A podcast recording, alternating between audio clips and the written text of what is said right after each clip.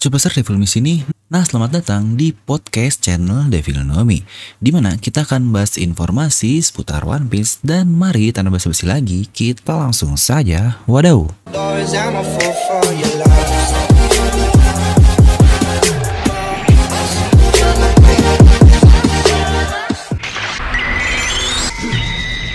Oke, kita langsung saja untuk membahas di chapter kali ini yang ternyata untuk judulnya masih sama seperti spoiler yang berjudul Tower. Ya, Tower. Ya, Tower lah. Di mana cover kali ini masih diisi oleh cover request yang berisi oleh Tante Jewelry Bonne yang aduh cantik eh. Di sini dia sedang berkompetisi makan yaitu makan sobami lah. Di mana kita langsung masuk ke chapter kali ini yang ternyata masih lanjutan dari chapter sebelumnya Ketika Sanji disabet oleh Queen dengan pedangnya, tapi malah pedang dari Queen ini yang hancur berkeping-keping. Itu pun ketika dia beradu dengan muka dari Sanji ini. Ingat, muka loh. Di mana terlihat pipi Sanji seperti yang bengkok ke dalam tapi dia baik-baik saja. Ini persis ketika Sanji waktu melawan Yonji dahulu yang mukanya penyok-penyok tapi dia baik-baik saja juga. Di sini anak buah Kaido pun sadar kalau Sanji dia tidak memakai busou untuk menahan pedang milik Queen ini. Dan di situ Queen pun mengingat sesuatu dari perkataan Judge dahulu dan pada saat itu Sanji pun menarik pipinya untuk memperbaiki mukanya. Di mana luka muka bengkok ini hanya dengan ditarik biasa kembali normal. Aduh, Sanji udah bukan jadi manusia lagi nih. Di mana lanjutan dari kata-kata Queen yang tadi, bahwa dahulu Judge pernah berkata kalau dia sangat ingin menciptakan manusia dengan exoskeleton. Atau mungkin lebih mudah jika kita sebut exoskeleton ini sebagai cangkang lah yang melapisi di atas tulang normal manusianya, intinya biar lebih kuat. Dan dia juga ingin menciptakan manusia dengan ketahanan dan kemampuan penyembuhan yang luar biasa Ya seperti yang kita lihat lah, Sanji patah tulang sebanyak itu bisa normal lagi dengan sangat mudah. Dan itu pun pastinya dengan fisik yang luar biasa kuat juga dan hati seperti es tanpa emosi. Ini sebenarnya hal yang sudah kita lihat juga dari seluruh anak dia seperti Ichiji, Niji, dan juga Yonji. Lagi-lagi untuk Reiju ini dia beda ya, karena dia tidak lahir bersamaan dengan kembar empat tersebut, makanya dia masih punya sedikit emosi yang tersisa. Sambil Queen berkata seperti itu, dia pun menyiapkan laser beamnya untuk kembali menyerang Sanji. Di sini, Chopper melihat Sanji dengan kaget, tapi dengan muka yang sangat emes karena sebuah pedang hancur bertabrakan dengan muka Sanji. Ya dari sisi dokter itu sesuatu yang sangat mustahil. Sanji pun dia mengingat bagaimana saudara-saudaranya dan akhirnya dia pun panik dan takut. Jika kemampuannya terus bangkit, dia akan kehilangan hatinya seperti saudara-saudaranya itu. Makanya akhirnya dia pun kabur sambil Queen terus menembakkan laser kepadanya dan Sanji pun berteriak sebentar sambil dia bertanya ke dalam dirinya sendiri apa yang terjadi dengan tubuh saya ini. Berpikir Sanji apa yang kelakukan sehingga bisa men-trigger kemampuan menyebalkan ini. Queen pun situ cuma tertawa saja melihat Sanji ini yang kabur di mana beberapa anak buah dari Kaido pun menembaki Sanji yang sedang berlari dan berhasil mengenai pistol tepat ke arah kepalanya langsung. Tapi tidak berpengaruh apa-apa karena Sanji lagi-lagi cuma berkata, ouch itu sakit. Udah loh padahal itu pistol kena ke kepalanya. Di mana ini benar-benar ngingetin di Ark World Cake Island banget ketika penutup terakhir dari chapter itu. Itu pun yang membedakan Sanji dengan saudara-saudaranya ketika pistol tidak bisa melukai para Germa ini. Di situ ada yang menembak Sanji dan dia terlihat terluka di tangannya dan akhirnya itulah yang sudah membedakan tubuh cyborg saudaranya dengan tubuh gagal atau manusia dari Sanji ini. Tapi sekarang hal itu malah terbalik. Sanji ditembak kepalanya dan dia tidak merasa apa-apa. Ia cuma sakit sedikit doang lah. Dan Queen pun kembali tertawa sambil berkata kepadanya untuk menggunakan baju red suitnya dan tunjukkan kepadaku bagaimana saintis dari Germa ini. Udah bertarung segitunya, Queen pun masih nggak ngerasa apa-apa ya. Ya emang ras dinosaurus ini ketahanannya luar biasa kuat. Seperti kata-kata Sanji di chapter lalu juga, dia yang bingung gimana sih cara melukai dinosaurus ini. Dan berpindah ke lantai 2 Onigashima, di mana Lau dan Kit masih bertarung melawan Big Mom. Di sini kita melihat Kit dalam keadaan terbaring di tanah karena merasakan sakit di kepalanya.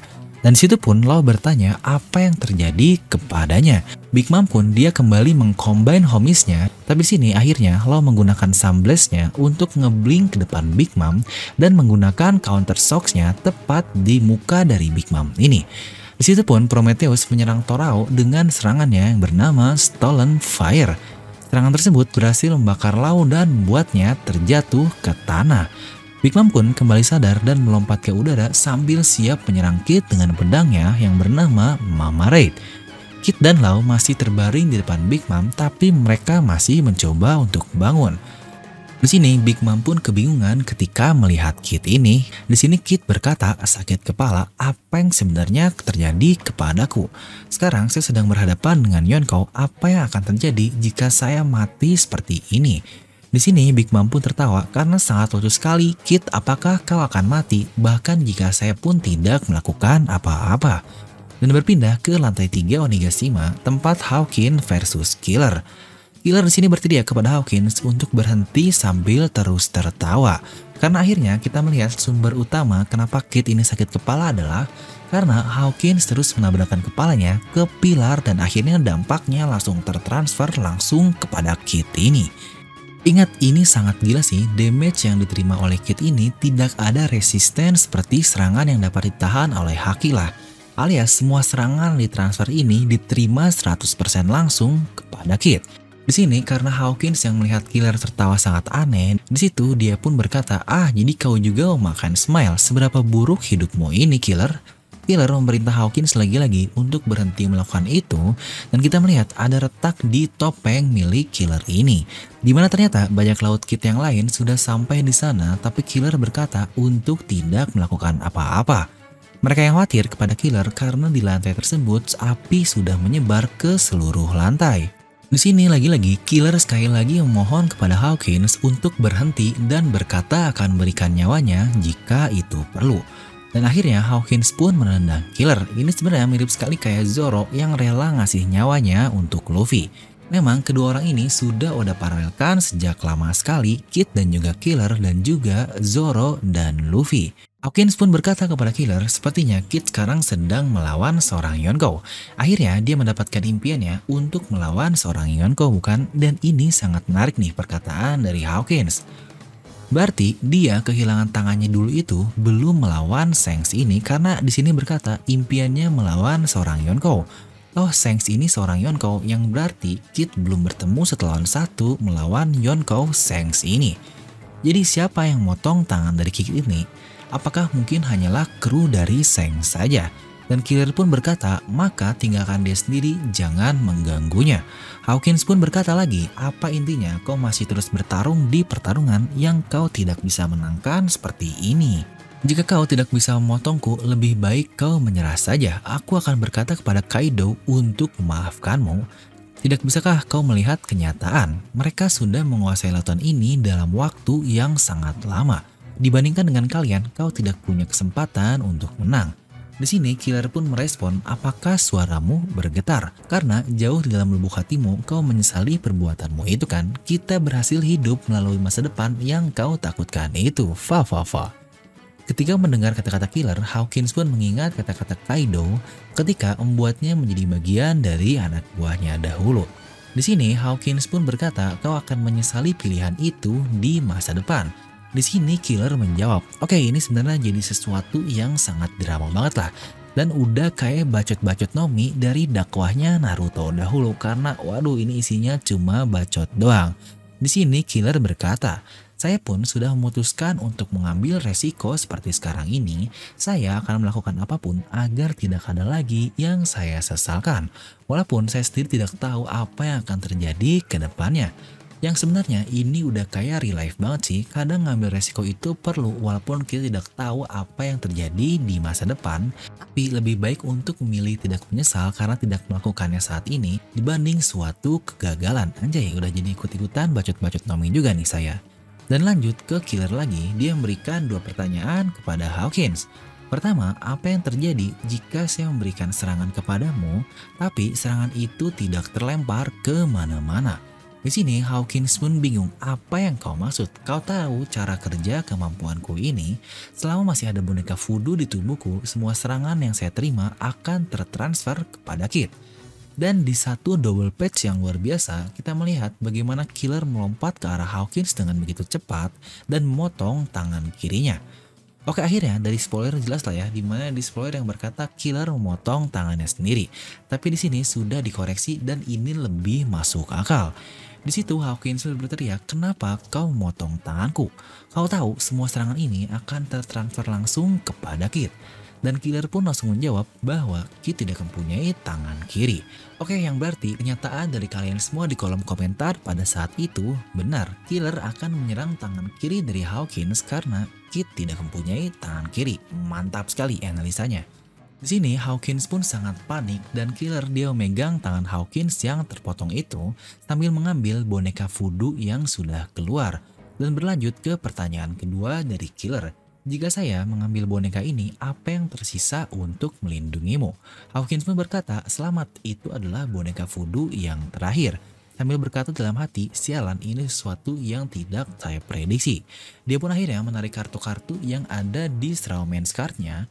Grim Reaper posisi ke atas, kartu-kartu yang akhirnya membuatnya mengeluarkan boneka voodoo raksasa yang seperti kita lihat dahulu saat melawan Luffy dan juga Zoro dan dia pun akhirnya menyerang killer di sini tapi killer lebih cepat dan berhasil memotong kepala boneka voodoo itu dengan Zansu klaunya. Di sini kita lihat killer benar-benar bergerak sangat cepat sekali. Hawkins pun berkata, Strawman tidak akan mati itu bisa dibangkitkan kembali dengan kartu-kartuku. Tunjukkan padaku hasil dari pertarungan ini dan Hawkins pun menarik kartu lagi dan akhirnya dia mengeluarkan kartu The Tower yang menjadi judul chapter kali ini di sini Hawkins terlihat sangat kaget dan Killer pun akhirnya menyerang Hawkins dengan serangan penuhnya lagi.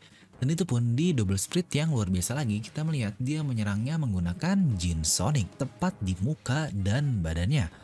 Hawkins pun akhirnya terjatuh dengan bukti yang sudah kalah lah dan kartu-kartu tarot tersebut tersebar di sekitar badannya yang sudah terbaring itu di mana muncul text box yang menjelaskan arti dari tower card ini sebagai the destruction of the earth atau sebelumnya mungkin a collapse of the earth lah. Tapi juga punya arti lain sebagai a new path atau jalan yang baru. Ya jika kalian mengerti tarot memang ada banyak sekali sih arti dari satu kartu ini, terutama bahkan akan berbeda jika artinya terbalik atau tidak. Ini sebenarnya saya pelajari ketika ingin mengerti bagaimana kartu dari Hawkins bekerja dan contohnya adalah di kartu The Tower ini, dia juga punya dua arti. Nah sebelum bahas sedikit tentang kekalahan Hawkins, kita lanjutkan untuk reviewnya dulu ya sedikit lagi. Di sini setelah Hawkins kalah, kita melihat Kit kembali bangkit dan Big Mom pun bingung. Wow, tiba-tiba sekali kau kembali bangkit. Kit, apa yang terjadi? Dan Kit pun menjawab, oh tubuhku terasa lebih ringan sekarang. Chapter pun ditutup dengan killer yang berteriak, Ike, partner. Nah, di sini kita akan bahas sedikit tentang kekalahan dari Hawkins. Jadi jelas lah ya di sini bahwa cara killer menghentikan santet Kit dengan memotong tangannya dan dari situ dia mengambil boneka voodoo dari Kit ini. Jadi fix di sini gak harus sampai mati dulu untuk menggagalkan santet dari Hawkins. Ya mungkin itu juga salah satu batasannya ya atau kelemahannya lah. Pantas sih kalau gitu misal dia ngambil karakter yang sangat kuat seperti Yonko, bukankah itu membuat Hawkins menjadi tidak dapat terkalahkan? Tapi ternyata bisa digunakan dengan cara seperti ini. Makanya setelah voodoo dari Kit ini diambil, yang tersisa tinggal dirinya saja atau nyawa dari Kit secara langsung ini, makanya dia terlihat panikan. Serta dari arti kartu tower ini, sebelum efeknya keluar, Hawkins sudah dikalahkan. Tapi saya sangat yakin efeknya masih terus berlanjut dan itulah saat kemenangan di pihak kita. Lihat, bahkan setelah munculnya kartu itu dan Hawkins pun kalah, Kit berkata jika tubuhnya terasa ringan, apakah ini semacam semi power up ya? Karena dari namanya, Destruction of the Old adalah kerusakan dari yang lama, dan A New Way adalah jalan yang baru.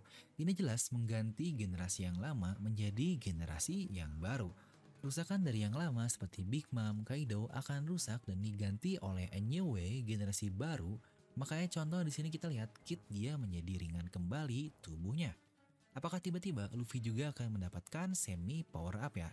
Ya pasti masuk akal jika Kit normal kembali karena sebelumnya dia disantet. Cuma yang aneh adalah kenapa tubuhnya menjadi lebih ringan.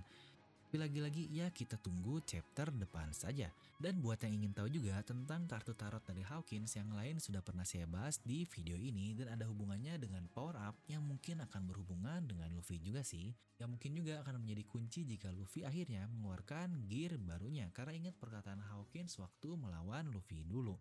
Dia mempunyai kartu yang dapat meningkatkan kemampuan fisik orang berkali-kali lipat. Mungkin ini adalah kartu dari The Tower ini, makanya Kit akhirnya tubuhnya menjadi lebih ringan. Nah jadi overall ini chapter yang menurut saya sangat menarik sih dengan banyaknya bacot-bacot Nomi yang akan jadi saya beri nilai 8,5 dari skala 10. Ya dengan kekalahan Hawkins yang seorang supernova, next mungkin kekalahan dari Apo dulu ya, baru akhirnya dua lagi para All Stars, Queen dan juga King. Kira-kira mana nih yang duluan, King yang kalah dulu atau Queen yang kalah dulu? Kan sekarang Sanji udah jadi orang nomor 2 di topi jerami, bukan Zero lagi, Zehaha. Serta yang paling penting dari yang terpenting adalah minggu depan tidak libur ya guys, anjay. Nah seperti biasa, semoga kalian terhibur dengan video ini. Like aja kalau kalian suka, dislike aja kalau nggak suka. Jangan lupa untuk subscribe dan juga share video teman kalian. Gue udah pamit and I'll see you guys next time.